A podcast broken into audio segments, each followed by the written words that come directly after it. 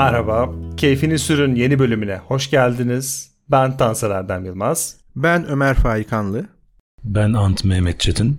Bu bölümde otomobillerin ağırlığı, hafifliği üzerine konuşacağız ve sonrasında bir diğer gündemimiz daha var. Otomobillerin ağırlığı deyince bir önceki bölümde otomobillerin yakıt tüketimi, Volvo özelinde bir otomobilin ağırlaşmasının etkisi, yıllar geçtikçe otomobillerin çok daha farklı bir biçimde hafifleşmesini konuştuk ama şöyle bir tartışma konusu var. Bir otomobilin kilo olarak ağır olmayıp his olarak ağır olabilmesi onu sanki biraz premium seviyesine yaklaştırıyor. Böyle bir vasat genelleme yapabilirmişiz gibi geliyor. Buna ne dersiniz? Yani aslına bakarsan ölçülebilirlik anlamında bu kadar somut bir şeyin bir hissiyat üzerinden verilebiliyor olması kendi içinde bir tabii ki konuşmaya değer bir şey. Yani kilogram bazında veya neyle hangi birimden ölçüyorsak aa o kadar ağır değilmiş ama hani o kadar iyi tutunuyor ki yere veya bana öyle bir hissiyat veriyor ki demek elbette ki mümkün. Ama yine de bu işin somut kısmından önce bir yürüyelim. Ağırlık ve hafiflik tabii kullanılan malzeme ile ilgili ama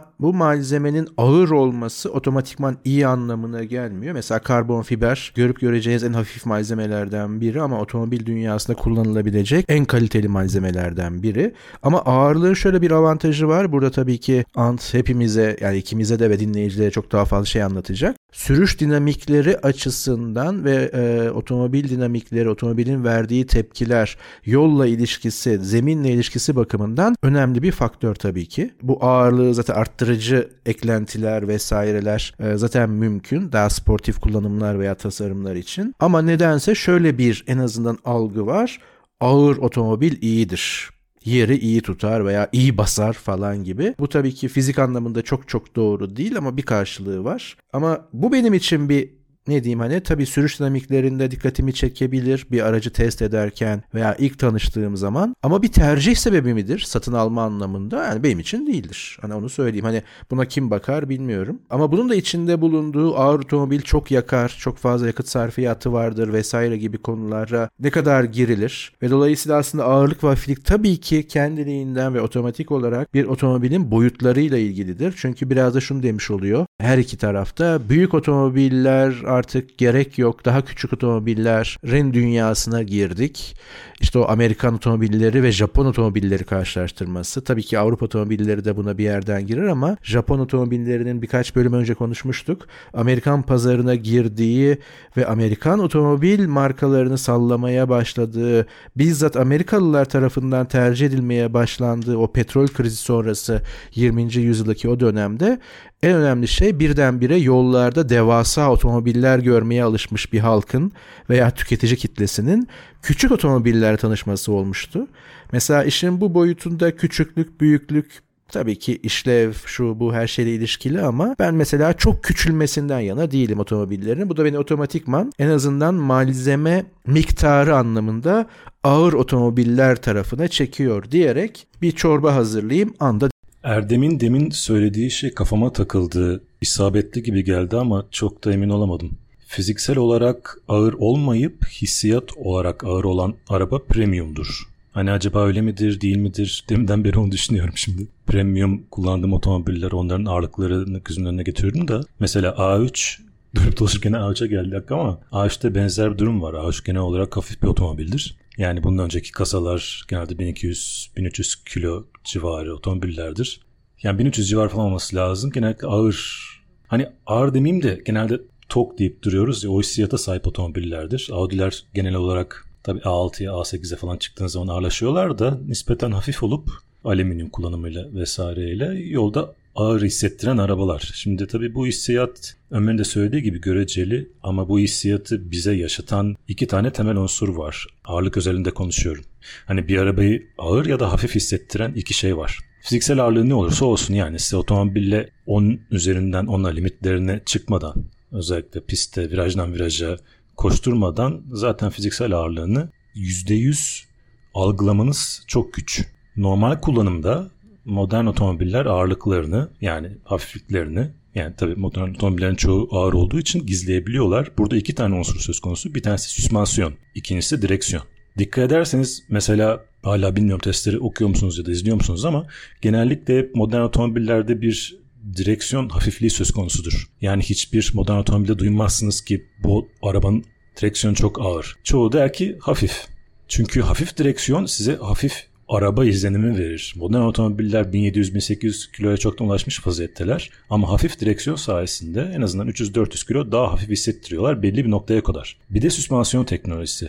Yani bugün neredeyse 2 tona ulaşmış bir BMW M3 neden hala yerlere göklere sığdırılamıyor, çok fazla övülüyor vesaire. Süspansiyon teknolojisi çünkü inanılmaz gelişmiş olduğu için bu otomobillerin hani 2000'lerde 1400-1500 kiloluk bir araba nasıl kontrol altında tutuyorsa o zamanın teknolojisi şu andaki teknoloji aynı kontrolü hatta daha da üstün bir kontrolü neredeyse 2 tonluk otomobiller üzerinde sağlayabiliyor. Bu ikisi o göreceliliği, o izlenimi büken, değiştiren unsurlar. Ama genel olarak zaten günümüzde hafif otomobil kalmadı gibi bir şey neredeyse herhalde bir MX-5'ten söz edebiliriz hafiflik anlamında ya da işte B segmentin A segmentin inmediğiniz müddetçe. Onun dışında zaten hafif otomobil B segment haricinde kalmadı. Ama çok net bir fiziksel gerçek var. Yani hafif otomobil bir az yakar. Yani tabii ki diğer bütün faktörleri eşit tutacak olursanız motor şanzıman teknolojisini vesaire eşit tutacak olursak az yakar, çok kaçar ve çeviktir. Yani hafif otomobil virajlarda daha çeviktir, daha atiktir, yön değiştirmesi daha kolaydır. Tabii gene söylüyorum bütün bunlar süspansiyon teknolojisi başta olmak üzere diğer her teknolojiyi, tüm teknolojileri sabit tutacak olursanız geçerli. Ama yani o teknolojiler o kadar gelişti ki bundan 10 sene öncesinden 2-300 kilo daha ağır olmasına rağmen arabalar bugün daha az yakıyorlar. Neden? Çünkü motor ve te- şanzıman teknolojisi çok gelişti. Aynı zamanda gene bu teknolojilerden dolayı ivmelenmeleri, performansları daha iyi. Çoğu zaman daha da çevik hissettirebiliyorlar gene süspansiyon teknolojisi sayesinde. O yüzden idealiniz açısından tabii ki ben hafif otomobil benim de tercihimdir ama Ömer'in de söylediği gibi çok çok yukarılarda değildir kriterlerim arasında. Ama ne zaman ki piste çıkıp limitlerini zorlayacağım bir otomobilden bahsediyorumdur, göz önünde bulunduruyorumdur, düşünüyorumdur. O zaman ağırlığına kesinlikle bakarım. Çünkü bütün bu teknolojiler ne düzeyde olursa olsun pistte 10 üzerinden 10'a çıktığınız zaman e, İstanbul Park'ta o 8. viraja girdiğiniz zaman arabanın 1700 kilosunun 1700'ünde hissedersiniz. Hiçbir şey onu gizleyemez. Hele hele arka arkaya yön değiştirmeler gelsin sağ sol sağ sol. Hiçbir şey onu gizleyemez. Ama günlük kullanımda yani çok da açıkçası önemli değil.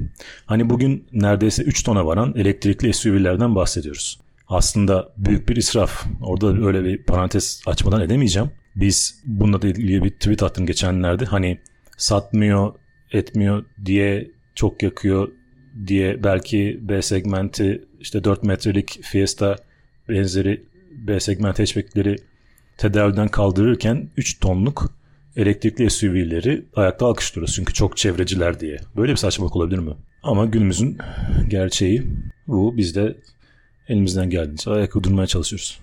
Ağırlığın şöyle bir imajı var. Hafif otomobil kalitesiz, ağır otomobil klas. Hafif otomobil daha kötü yol tutar, ağır otomobil daha iyi yol tutar. Mesela bu konudaki efsaneyi incelerken şöyle bir forumlarda gezdim. Şöyle bir şey yazıyor mesela. Bir 5 serisi BMW ile bir viraja girmektense bir Clio'nun içerisine 5 kişi oturup girerim o daha iyi döner. Böyle bir efsane oturmuş durumda. Yani bu efsanenin aslında temeli şu. Ben daha ağır bir şeyle girdiğim zaman virajlara e, ya da herhangi bir yol tutuş isteyen yere benim otomobilim çok daha güven verir. E bunun bir diğer e, önceki söylediğim şeydeki etkisi hafif olan otomobilin kalitesiz olduğuna dair bir etki. Aslında en başta söylediğim şey şuydu. E, otomobile bindiğinde her şey ağır, çok e, kaliteli malzemeden üretilmiş hissettiriyor ama verilerine baktığın zaman aslında çok hafif. Benim için aslında en e, ideal nokta bu. Kendisi hafif olsun ama hissettirdiği hafif olması. Mesela yeni nesil e, Dacia'lara dair ya da işte düşük segment otomobillere dair temel eleştiri bu. Hafif ve hafif hissettiriyor.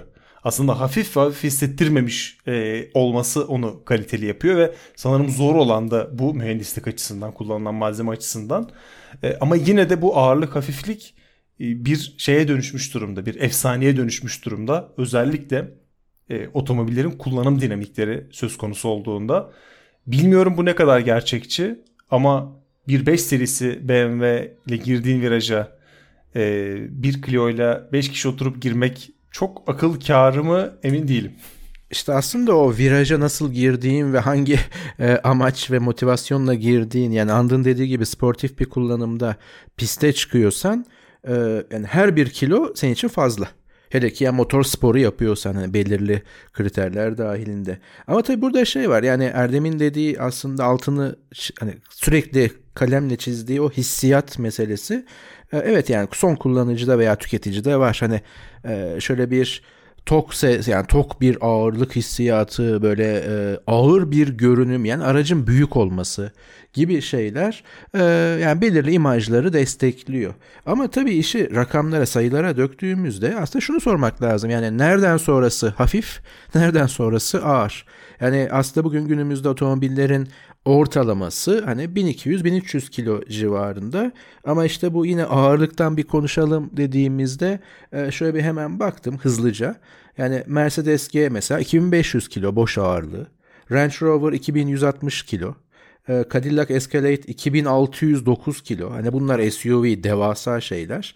Ama mesela Mercedes S400 2015 kilo. E, mesela şimdi buralara çıktığımızda wow tabii ki bunların hepsi çok kaliteli. Bir de hani oradan seçtiğim için taraflı tabii ki. Ama hani bunları kaliteli yapan şey ağırlıkları veya da boyutları değil. Bunlar zaten birim G. Yani SUV'in araziye çıkabilir tüm yetenekleriyle kurallarını koyan Mercedes kanadındaki araç. E, Range Rover zaten bu işin hani başka bir yerdeki bir temsilcisi. Escalade Amerika'da e, yani FBI'nin bile kullandığı şey hani o devasa büyüklük vesaire. E, Mercedes S400 hani Mercedes e, Maybach hariç altındaki o lüksün zirve noktası içinde her şey var. E bu tabii bir ağırlık demek. Siz Mercedes S400 ile hiçbir piste çıkmazsınız kolay kolay. Amaç o değildir. E, çıksanız bile e, yanınızdan geçen bir MX-5'e şöyle bir el sallayabilirsiniz. İyi bir e, pilotla şoför şoförle. Ama mesela 1000 kilo altına düştüğümüz zaman kalitesiz bir yere mi gidiyoruz? Hayır. E, bu işin yine böyle bayrağını taşıyan Formula 1 yarışlarında bir gün onu da konuşacağız. Tadı iyice kaçıyor ayrı konu ama artık bir minimum ağırlık mesela 795 kiloya çıkartıldı. Bakın çıkartıldı. Yani en, en az bu kadar ağır olacak araçlarınız diyor FIA. Hani yani 795 kiloluk bir formül aracını kullanan kaç tane tabi bunu kullanabilecek yeterlilikteki e, kullanıcı veya da pilot ya bu çok hafif bir araba ya böyle araba mı olur der. Yani onun ulaşabildiği ve ivmelenme şeyini düşünün. Veya Ferrari'de biraz üstten bakayım dedim. La Ferrari 1270 kilo yani bugünkü ortalama araçlarla aşağı yukarı aynı hatta pek çoğundan daha hafif bir araç. Şimdi orik karbon fiber kullanımı vesaire olduğu için şey mi diyeceğiz? Ya çok hafif bu ya çok da kalite hissi vermiyor mu diyeceğiz. Hani görebilirsek o arabayı yakından. Hani o yüzden evet aslında bir hissiyat meselesi. Eğer bir otomobili kalite anlamında değerlendiriyoruz veya değerlendirmeye oynuyoruz dersek ama bu işin son noktası er meydanı bu anlamıyla siz oradan sportif bir kullanım veya işte virajlara biraz daha böyle girmek çıkmak diyorsanız aslında orada ağırlık bazen negatif bazen pozitif etkilese bile kaliteli hiçbir alakası yok. Yani e, 2500 kiloyu hissettiğiniz bir Mercedes G ile çok e, sert bir viraja yüksek hızlarla girdiğinizde böyle bir şey önünüzden geçebilir e, film şeridi şeklinde. Nereye doğru gidiyor bu araba diye. Ama çok çok hafif bir araçla yere iyi tutunan bir araçla girdiğinizde e, hissetmeden bile çıkabilirsiniz. O yüzden ağırlık ve hafifliğin kalite unsuru veya göstergesi olması aslında biraz abesle iştigal son noktada. Evet yani ne kaliteyle ne de yol tutuşla aslında hiçbir alakası yok demeyeyim ama çok az alakası var. Şöyle ki sizin hiçbir zihniyetle hiçbir şekilde gidip de Clio ile BMW 5 serisinin mesela virajdaki tutuşunu karşılaştırmamanız daha da önemlisi karşılaştırıp da bunu ağırlığa bağlamamanız lazım. Çünkü bu ikisinin sürüş dinamiklerini belirleyen faktörler çok farklı. Yani ağırlığa gelene kadar o arabanın lastiklerinden, lastik ebatlarından tutun da süspansiyonlarına, efendime söyleyeyim süspansiyon geometrisine, şasisinin ağırlık dağılımına kadar o kadar fazla faktör var ki ağırlık çok çok arkalarda geliyor bu iki arabanın yol tutuş konusunda. Burada genel olarak hani hangisi makbuldür diye bir soru soracak olursak amacınız ne olursa olsun. Eğer biz aynı segment iki otomobilden söz ediyorsak ve bu sadece C segmenti değil mesela C segmentinin içerisinde premium var ya da ana akım C segmenti var. Premium'dan söz ediyorsak premium değilse değil. Aynı sınıf iki otomobilden hafif olanı her zaman daha makbuldür. Yani bunun tersi akma sadece tek bir örnek geliyor. Bütün otomobil segmentleri arasında sadece bir yerde ağırlık bir avantaj olabilir. O da eğer gidip de bir Rolls Royce'a falan çıkacak olursanız Şimdi bu otomobiller 2,5-3 tonluk arabalar. Bentley'ler de aynı şekilde. Şimdi bu arabalar imkansız ama hani velev ki 1000-1500 kilo falan olsun. O kadar hafif olsalar çok büyük konuşmayayım ama muhtemelen şu anki o çukurların üzerinden geçerken ki bir bulutların üzerinde süzülme böyle bir uçma efekti var ya o kadar hafif olsalar muhtemelen o etkiyi veremeyecekler. Yani şu anda çünkü bu arabalar tabii o muazzam süspansiyon teknolojileriyle beraber ve ağırlıklarıyla da beraber o çukurları eze eze geçiyorlar ve hiçbir şey hissettirmiyorlar. Hafif olsalar muhtemelen daha fazla o çukurların üzerinden geçerken dikey hareket gerçekleştirecekler ve bu konfordan az olsa ödün verecekler. Ama onun dışında hiçbir segment hiçbir şekilde hafif otomobilin sunup da pardon ağır otomobilin ekstra ağırlığını sunduğu bir avantaj düşünemiyorum. Ha, kapatıyorlar dediğim gibi hepsi zaten eskisinden daha ağır demin de konuştuğumuz gibi her türlü teknolojiyi, süspansiyon, motor, şanzıman vesaireyle beraber kapatıyorlar ağırlıklarını ama hiçbir şekilde ama hiçbir şekilde ağır otomobil makbul değildir. Her zaman için hafif olan makbuldür. He, tabii Dacia'ları falan inecek olursanız o otomobiller hafif otomobiller. Çünkü yani kullanılan malzemelerden tutun da e, altyapısı, teknolojisi, mekaniği, ekonomi amaçlı e, ne kullanıyorlarsa e, hepsi otomobilin hafif olmasını sağlıyor. Ama zaten Dacia'nın muadili nedir yani? Dacia'yı neyle karşılaştıracaksınız? Ama zaten tekrar söylüyorum Erdem'in de az önce sözünü ettiği o konu bir otomobil ağır hissettiriyorsa tok hissettiriyorsa ama hafifse fiziksel olarak bu gerçekten bir kalite bir premiumluk ibaresidir. O halde premium bir otomobil var önümüzde ya da ucuz bir otomobil var. Bunlar arasında nasıl karar vereceğiz diye düşünüyoruz ama aslında verilmiş bir karar var. Bununla ilgili veriler de var. Bugünün ikinci gündemi de belki bu olabilir. Türkiye'deki mevcut satışlara dair şöyle bir e, tablo var karşımızda. Aslında biz böyle gündelik haberleri inceleyen otomobil gazetecileri değil. Zaten Ömer'le ben otomobil gazetecisi de değiliz ama bu verilerde birkaç dikkat çeken nokta var. Onlar üzerine gitmek istedik son yıllarda şöyle bir problem yaşanıyor Türkiye otomobil piyasasında. Bir otomobili almak istemeniz onu alabileceğiniz anlamına gelmiyor. O yeterliğe sahip olduğunuz, o hasletlere sahip olduğunuz anlamına gelmiyor. Otomobilin de sizi istemesi gerekiyor ya da bir otomobil sizi istediğinde sizin de onun aynı anda istiyor olmanız gerekiyor. Çünkü her zaman istediğiniz modeli, her zaman istediğiniz paketi vesaire alamıyorsunuz. Tüm bunları dikkate aldığımız zaman 2023 yılında Türkiye'de çok sevilen bir otomobil markasının satışlarının düştüğünü görüyoruz. O da Honda. Neden satışları düştü? Bunu bir tartışalım isterim. Ama bunun altında olası iki sebep olabileceğini düşünüyorum. Bir, insanları satın alamıyor oluşu yani bulamıyor oluşu bu otomobilleri. Bu konuda Ömer bize doğrudan e, bilgi verebilir. Çünkü e, birkaç e, satıcıyla iletişimi olmuş ve görüşmüştü stok durumu ile ilgili konuşmuştu. Bu doğru bir tespit mi? Eğer bu doğru bir tespit değilse aslında tam olarak orada işte kullanıcı davranışları, tüketici davranışları, Honda'nın tasarımı şu bu gibi e, yeni tartışma konularına bir şekilde girebiliriz. Tabii bu verilerin bir Alfa Romeo tarafı var, bir Toyota tarafı var. E, onlara da devamında şöyle bir geçelim derim. Yani tabii ki bu pandemi sonrasında tüm e, ülkeleri etkileyen tedarik sorunları, lojistik sorunları vesaire oldu. O yüzden de aslında hemen hemen bütün dünyada otomobil satışlarında çok ciddi bir dalgalanma oldu. E, bundan Türkiye'de payını biraz fazlasıyla aldı ve Türkiye'nin kendi ekonomik durumuna da bağlı olarak yani dövizin çok yükselmesi ve buna bağlı olarak bu araçların Türkiye fiyatlarının çok çok yükselmesi yani tuhaf bir pazar dinamiği de oluşturdu. Yani işin ekonomik boyutu e, tabii ki etkiliyor. Esas belki de faktör orası. Ama e, ben bu haberle karşılaştığımda e, aslında sonunu Alfa Romeo'ya bağlayacağız. Neden? Çünkü 2022 ile 23'ü karşılaştırdığımızda satış adedini ki daha henüz bitmemiş bir yıl içerisinde olsak da e, yani 43 tane satmış 2022'de Alfa Romeo ama şu anki yılın bu zamanına kadar eğer bu sayı doğruysa 1596 araç sattı ki bu %3611'lik bir artış demek. Müthiş bir.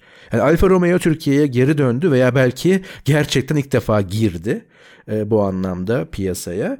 E, onu tekrar konuşuruz ama e, Türkiye'de uzun yıllardır çok satan iki marka e, hani bizim de Japon otomobillerine zaafımız benim ve Erdem'in e, biraz malum. E, Honda %14'lük bir düşüş yaşadı. Yani 12.800 küsür araç satmış geçen yıl. Bu yıl tabii ki bitmemiş bir yıl. Yani kafa kafaya getirebilir, biraz üzerine çıkabilir. Ama 11 binlerde görünüyor. Yani toplamda satışı düşen 3 marka var şu ana kadar. Ee, eğer bu rapor doğruysa, bu haber doğruysa Mitsubishi ve Honda bir de işte bir Çin markası Sanyong hani biraz azaltmış satışını. Ama yılların efsanesi Türkiye'de e, Renault ile beraber hep en çok satanlarda hep 1-2. Ben takip ettiğim zaman hep böyleydi. E, Renault ve Toyota'dır Türkiye'nin hani böyle en çok satan markaları. E, hemen Renault'u da söyleyeyim. E, %20 arttırmış.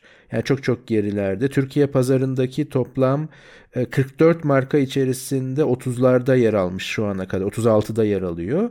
Ee, ve Toyota yüzde 1.37 arttırabilmiş son yıldan bugüne. Yani aslında benim takip ettiğim kadar tabii ki her bir markanın kendi iç dinamiği farklıdır. Araç tedarik zincirinde o problemi e, kırabilen, daha çabuk kırabilen veya daha sonra kırabilen durumlar olabilir. Yani şunu söylemeye çalışıyorum. Toyota belki hala yeterince araç getiremiyor Türkiye'ye. E Honda Türkiye'deki fabrikasını kapattı. O da artık yurt dışından direkt tedarik etmek zorunda. Hani bunların etkileri vardır ama İki Japon firmasının yani Toyota ve Honda'nın Türkiye'nin her zaman çok satanlar arasında olan iki markanın satışı bu kadar düşerken veya gerilerken büyümesi, satış rakamları Alfa Romeo'nun Türkiye'de böyle bir parlaması e, hani şöyle bir aslında takdire şayan ve e, belki de çok geç keşfedilmiş bir marka Türkiye'de. Yani meraklısı biliyordu ve tabii ki Türkiye'de otomobil ilgilenen herkes Alfa Romeo'yu bilir ama kaç kişi Alfa Romeo kullanmıştır ve hatta sahibi olmuştur dersek bu çok azdır. Zaten satıştan da yani 43 araba satmış 2022 yılı boyunca. Ama şimdi bitmemiş bir yılda ortalarında muhtemelen bu 2000'leri çok rahat geçecek sayı olarak.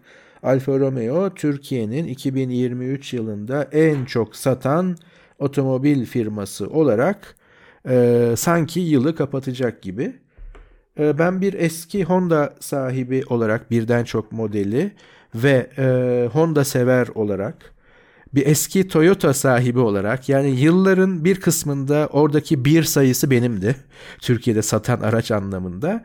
Ee, bir üzüntü ve bu Japon otomobilleri Türkiye pazarında nereye doğru gidiyor ve tabii ki bir merak e, yani tedarik harici neden tercih edilmemeye veya daha az tercih edilmeye başladı hüznünü yaşarken Alfa Romeo'nun o tasarımından ve onun o ruhundan dolayı da Türkiye adına ve yollarda sahibi olmasam bile bu kadar çok Alfa Romeo ve daha çok Alfa Romeo görecek biri olarak bir otomobil e, sevdalısı olarak da mutluyum. Böyle bir kısa rapor geçeyim üzerine konuşalım.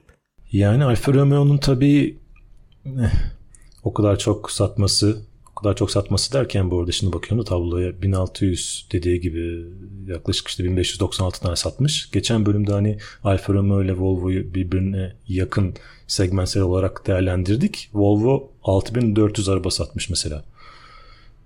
BMW 12000, Audi 12000 falan aslında bir premium marka olarak Mercedes de aynı şekilde neredeyse 11000. Hala tabii çok az satış rakamı Alfa Romeo'nun. Ama kıpırdanma açısından kıpırdanmadı değil yani coşma bakımından hani %6300'lük bir artış. Tabii bunun tek bir cevabı var tonale. Halk ne istiyordu? SUV değil mi? Halk premium SUV istiyordu. Alfa Romeo da halka istediğini verdi. Dolayısıyla şu anda halk da markada çok memnun halinden.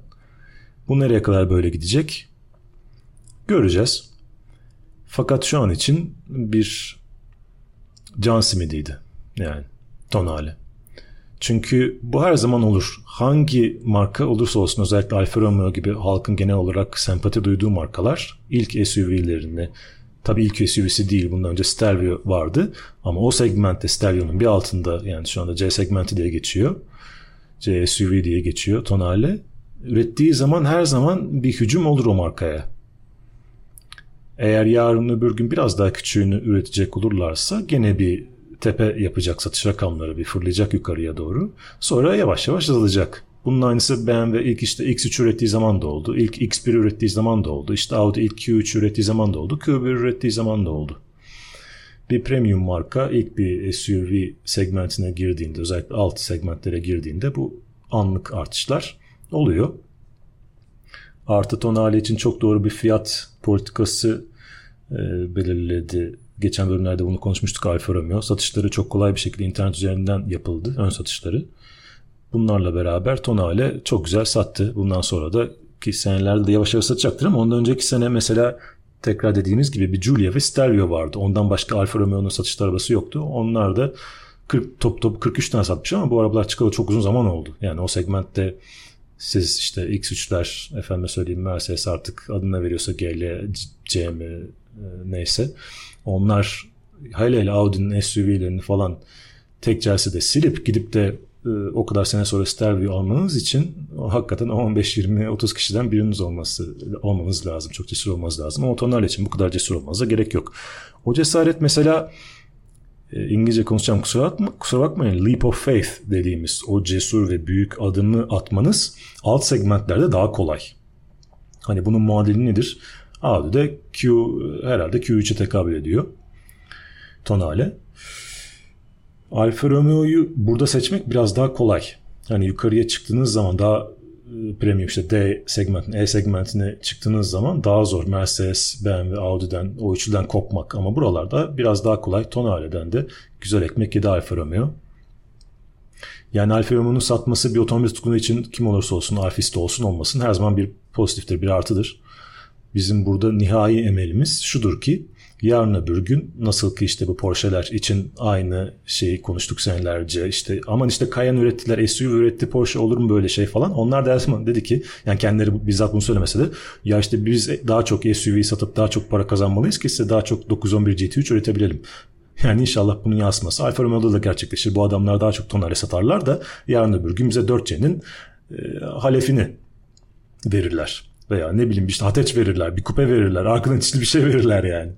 Bizim amacımız bu ama bu işin sonu küçük tonale, ortanca tonale, büyük XL, XXL tonaleye doğru giderse her zaman konuştuğumuz o tek düze standartlaşmaya gidecek olursa Alfa Romeo için yazık olur.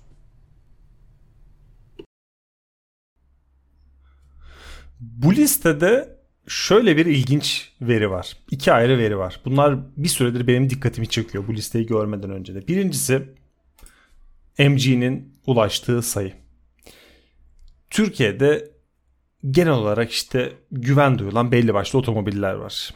Bu otomobillerin işte sayısını 10-15 yapabiliriz ama MG hiçbir zaman o listeye girmez. Yani uzaktan bakarsın çok güzeldir dersin bazı markalara e, mesela Lexus da e, bunun gibidir. İnsanlar işte servis ağından tutun da otomobilin ikinci el değerini dikkate alarak bu otomobillere çok fazla itibar etmezler. MG satış rakamı burada yazanın yanında bir de elektrikli otomobildeki payı var. Türkiye'deki neredeyse en büyük e, paya sahip otomobillerden biri. Ya şu an e, ulaştığı bu durumun sebebini şöyle görenler var kimsenin otomobil bulamadığı dönemde Türkiye o kadar çok otomobil getirdiler ki normal şartlarda bu otomobilin yüzüne bakmayacak olanlar yani beğenip e, neyse ben bildiğime gideyim Renault Clio alayım diyecek olanlar onu alamadığı için MG aldı. Böyle bir tez var. Bunun ikinci etkisi de Chery. Chery 15 bin satmış Türkiye'de.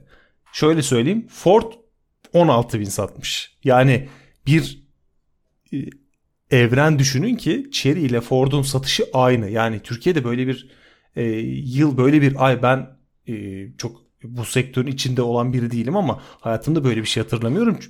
Çünkü şöyle bir etkisi var. Chery Türkiye'de itibarı en düşük otomobillerden biriydi eskiden. ürettiği Türkiye'ye geldi ilk zamanlarda marka değişti belki ama yani kalite açısından, tüketim açısından her yönüyle en çok e, insanların çekindiği, hiç hoşlanmadığı bir markaydı aslında. Ama yeni gel- gelen Chery'ler bir anda insanların ilgisini çekti. Yine belki otomobil bulunamamasından, e, belki işte 1.2 milyona size sunduğu lüksü gösteriyor. Aynı e, fiyat alabileceğiniz otomobil yok vesaire. Ama şunu gördük bence. İnsanlar böyle bir kriz ortamında, böyle bir e, darboğaz olduğunda riskli tercihler yapabilecek seviyeye geliyormuş. Ben onu gördüm. Çünkü normal şartlarda Skywell, Cherry bunları ben çok fazla görür oldum yollarda. Ve hem çok şaşırıyorum hem de e, bir yandan da mutlu oluyorum. Çünkü bir önceki bölümde şeyi konuşmuştuk. İnsanlar e, station wagon kullanmıyor diye station wagonlar alınmıyor ama station wagonları da görmek istiyoruz. Yani biz MG sokakta görmek istiyorduk. E, ama kimse almıyordu. Artık alınıyor ve artık onların servis ağı da genişliyor ve bu otomobil markaları aslında Türkiye'de kökleşmeye başlayacak. Chery, Skywell, MG bunlar e, ciddi ciddi e, kökleşmeye başladıktan sonra da artık e, işte belki Toyota'nın, belki Renault'un, belki Fiat'ın e, kurduğu o etki de kırılacakmış gibi geliyor. Bu krizin herhalde e, olası tek e, mantıklı sonucu buymuş gibi geliyor bana. Ya tabii şimdi bu e, sayılarda şey dikkat etmek lazım. Aslında çok sağlıklı sayılar yani sayılar doğru ama şöyle sağlıklı değil. 20, 2022 ve 2023 Türkiye'de otomobil bulunamayan ve otomobilin bir yatırım aracına dönüştüğü bir ekonomik sistemde e, ki satış rakamları, satış sayıları. Şimdi burada ama biz yani otomobil dünyası açısından işin ekonomik boyutundan ziyade e, sevindiren veya dikkatimizi çeken e, veya da işte sorumuzun altını çizen şey şu. Yani hemen sayı bakımından söyleyeyim. Yani Toyota e, artışı çok aza inmiş %14'e inmiş ama 21.563 araç satmış 2023'te şu ana kadar. Alfa Romeo 1596. Ama bir önceki de kıyasladığımızda Alfa Romeo'nun 43'ten buraya gelebilmesi, işte Andın dediği gibi e, evet hani bir pazarlama başarısı ama Türkiye'ye bir giriş aynı zamanda. Çünkü ben hep şunu merak ediyorum. Yani tabii ki belirli bir e, otomobil kültürüne sahip olduğunuzda veya ilgisi geliştirdiğinizde yani bunu bir profesyonelliğe dökmenize veya da o seviyede olmasına gerek yok. belli başlı markaları ve o markaların modellerini tanıyorsunuz ve tabii ki bütçeniz el verdiği ölçüde veya hayali bir garaj içerisinde e, bir liste, öncelik listesi yapıyorsunuz zihninizde. Yani param var, ilk gideceğim, bakacağım araç, marka veya otomobil model şudur veya bir gün şu kadar param olursa sahip olacağım model veya marka şudur dediğimiz şeyler var. Bu ilgi geliştiren insanlarda. Ama Türkiye'de bunun o kadar çeşitlendiğini görüyoruz ki e, başta söylediğim gibi özellikle Alfa Romeo kısmı beni çok e, mutlu ediyor ve heyecanlandırıyor. E, bu hani standart ki hala sayılar anlamında, satış sayıları anlamında ki hiçbir itirazım yok tabii ki. Yani. İşte Fiat, yine Toyota tabii ki, Volkswagen, şöyle hemen şeye bakıyorum, Peugeot, Ford, bunlar zaten hala en çok satanlar. Çünkü en aşina olduklarımız ve alınabilir modelleri en çok barındıran içerisinde. Yani farklı bütçelere göre belki de alınabilir modelleri barındıran markalar. Ama nihayet e, işte burada bir çeşitlenme var. Bunun artıları eksileri var. Erdem'in dediği gibi. Yani ilk en azından Türkiye'ye girişinde hatta dünya lansmanında neredeyse kalitesizliğiyle e, ün salmış markaların kendini toparlayarak elbette ama bu listeye girmesi bir anda evet olumsuz. Yani bir bakmak lazım. Ne oluyor? Hani ilk bulunan araba sırf ucuz diye alındı mı acaba? Bu nasıl bir e, otomobil evreni oluşturacak? Yani sokağa çıktığımızda görmek anlamında bunu söylüyorum. Ama bir yandan da çok köklü ama biraz geriye düşmüş e, satış rakamları, satış sayıları anlamında markaların öyle ya da böyle satış sayılarını arttırarak Türkiye pazarına ve belki de başka ülkelerde de benzer e, tablolara bakmak lazım ama buralara tekrar giriyor olması oyunu biraz kuralına göre oynamakla beraber belki işte andan örneklediği gibi Porsche'nin dediği ya ben biraz kayan satacağım ki size diğerlerini yapabileyim. Yaptıkları sürece hiçbir sorun yok. Buralara oynaması güzel bir şey. Ee, ama tabii ki bu bir öngörü değil, bir e, pazar analizi değil. Ama en azından bu tablodan ve genel olarak işte bayi çok sınırlı bir deneyimde bayilere gidip konuştuğumda görüştüğümde e, Japon otomobillerinin biraz Türkiye'de büyüme anlamında sıkıntıya girmeye başladığının işareti. Ama o çekilirken dediğim gibi her zaman zaafım var ve ilgim var Japon otomobillerine ama o çekilirken İtalyan otomobilleri geliyorsa e, yani tamam olur hiçbir sıkıntı yok. yani bu Chery ve MG kulağıma takıldı. Şimdi tabii çoğumuz bu iki markaya bambaşka açıdan bakıyoruz muhtemelen değil mi? Hani MG bir İngiliz efsanesidir. Chery vasat bir Çin malıdır diye bakıyoruz muhtemelen. Lakin bu ikisi aşağı yukarı aynı şey. İkisi de Çin malı ve ikisi de 3 aşağı 5 yukarı aynı kalitede ürünler üretiyor. Hepsi elektrikli, uygun fiyatlı otomobiller üreten marka. Şimdi Çin bunu çok güzel yaptı. Tabi bu sürekli devam edecek bir şey değil. Yani MG'nin ekmeğini, mirasını yiyorlar şu anda. Ne kadar sürer bu göreceğiz. Sanırım başka birkaç İngiliz markası daha var. İşte Lotus başta olmak üzere e, gözleri üzerinde olan onları satın alıp yarın da e, onlarla Türkiye pazarına girebilirler. Hani rakiplerin üçte biri fiyatına sattıkları elektrikli otomobillerle siz de Lotus alıyorum diye gezersiniz etrafta. Yani büyük saçmalık. Dolayısıyla orada aslında Çin'den gelen otomobillerin kalitesi hani markası ne olursa olsun hani bizzat uzun süre kullanma fırsatım olmadı. O yüzden çok ön yargılı konuşmak istemiyorum ama e, çok büyük beklentileri olmasın insanların, kullanıcıların.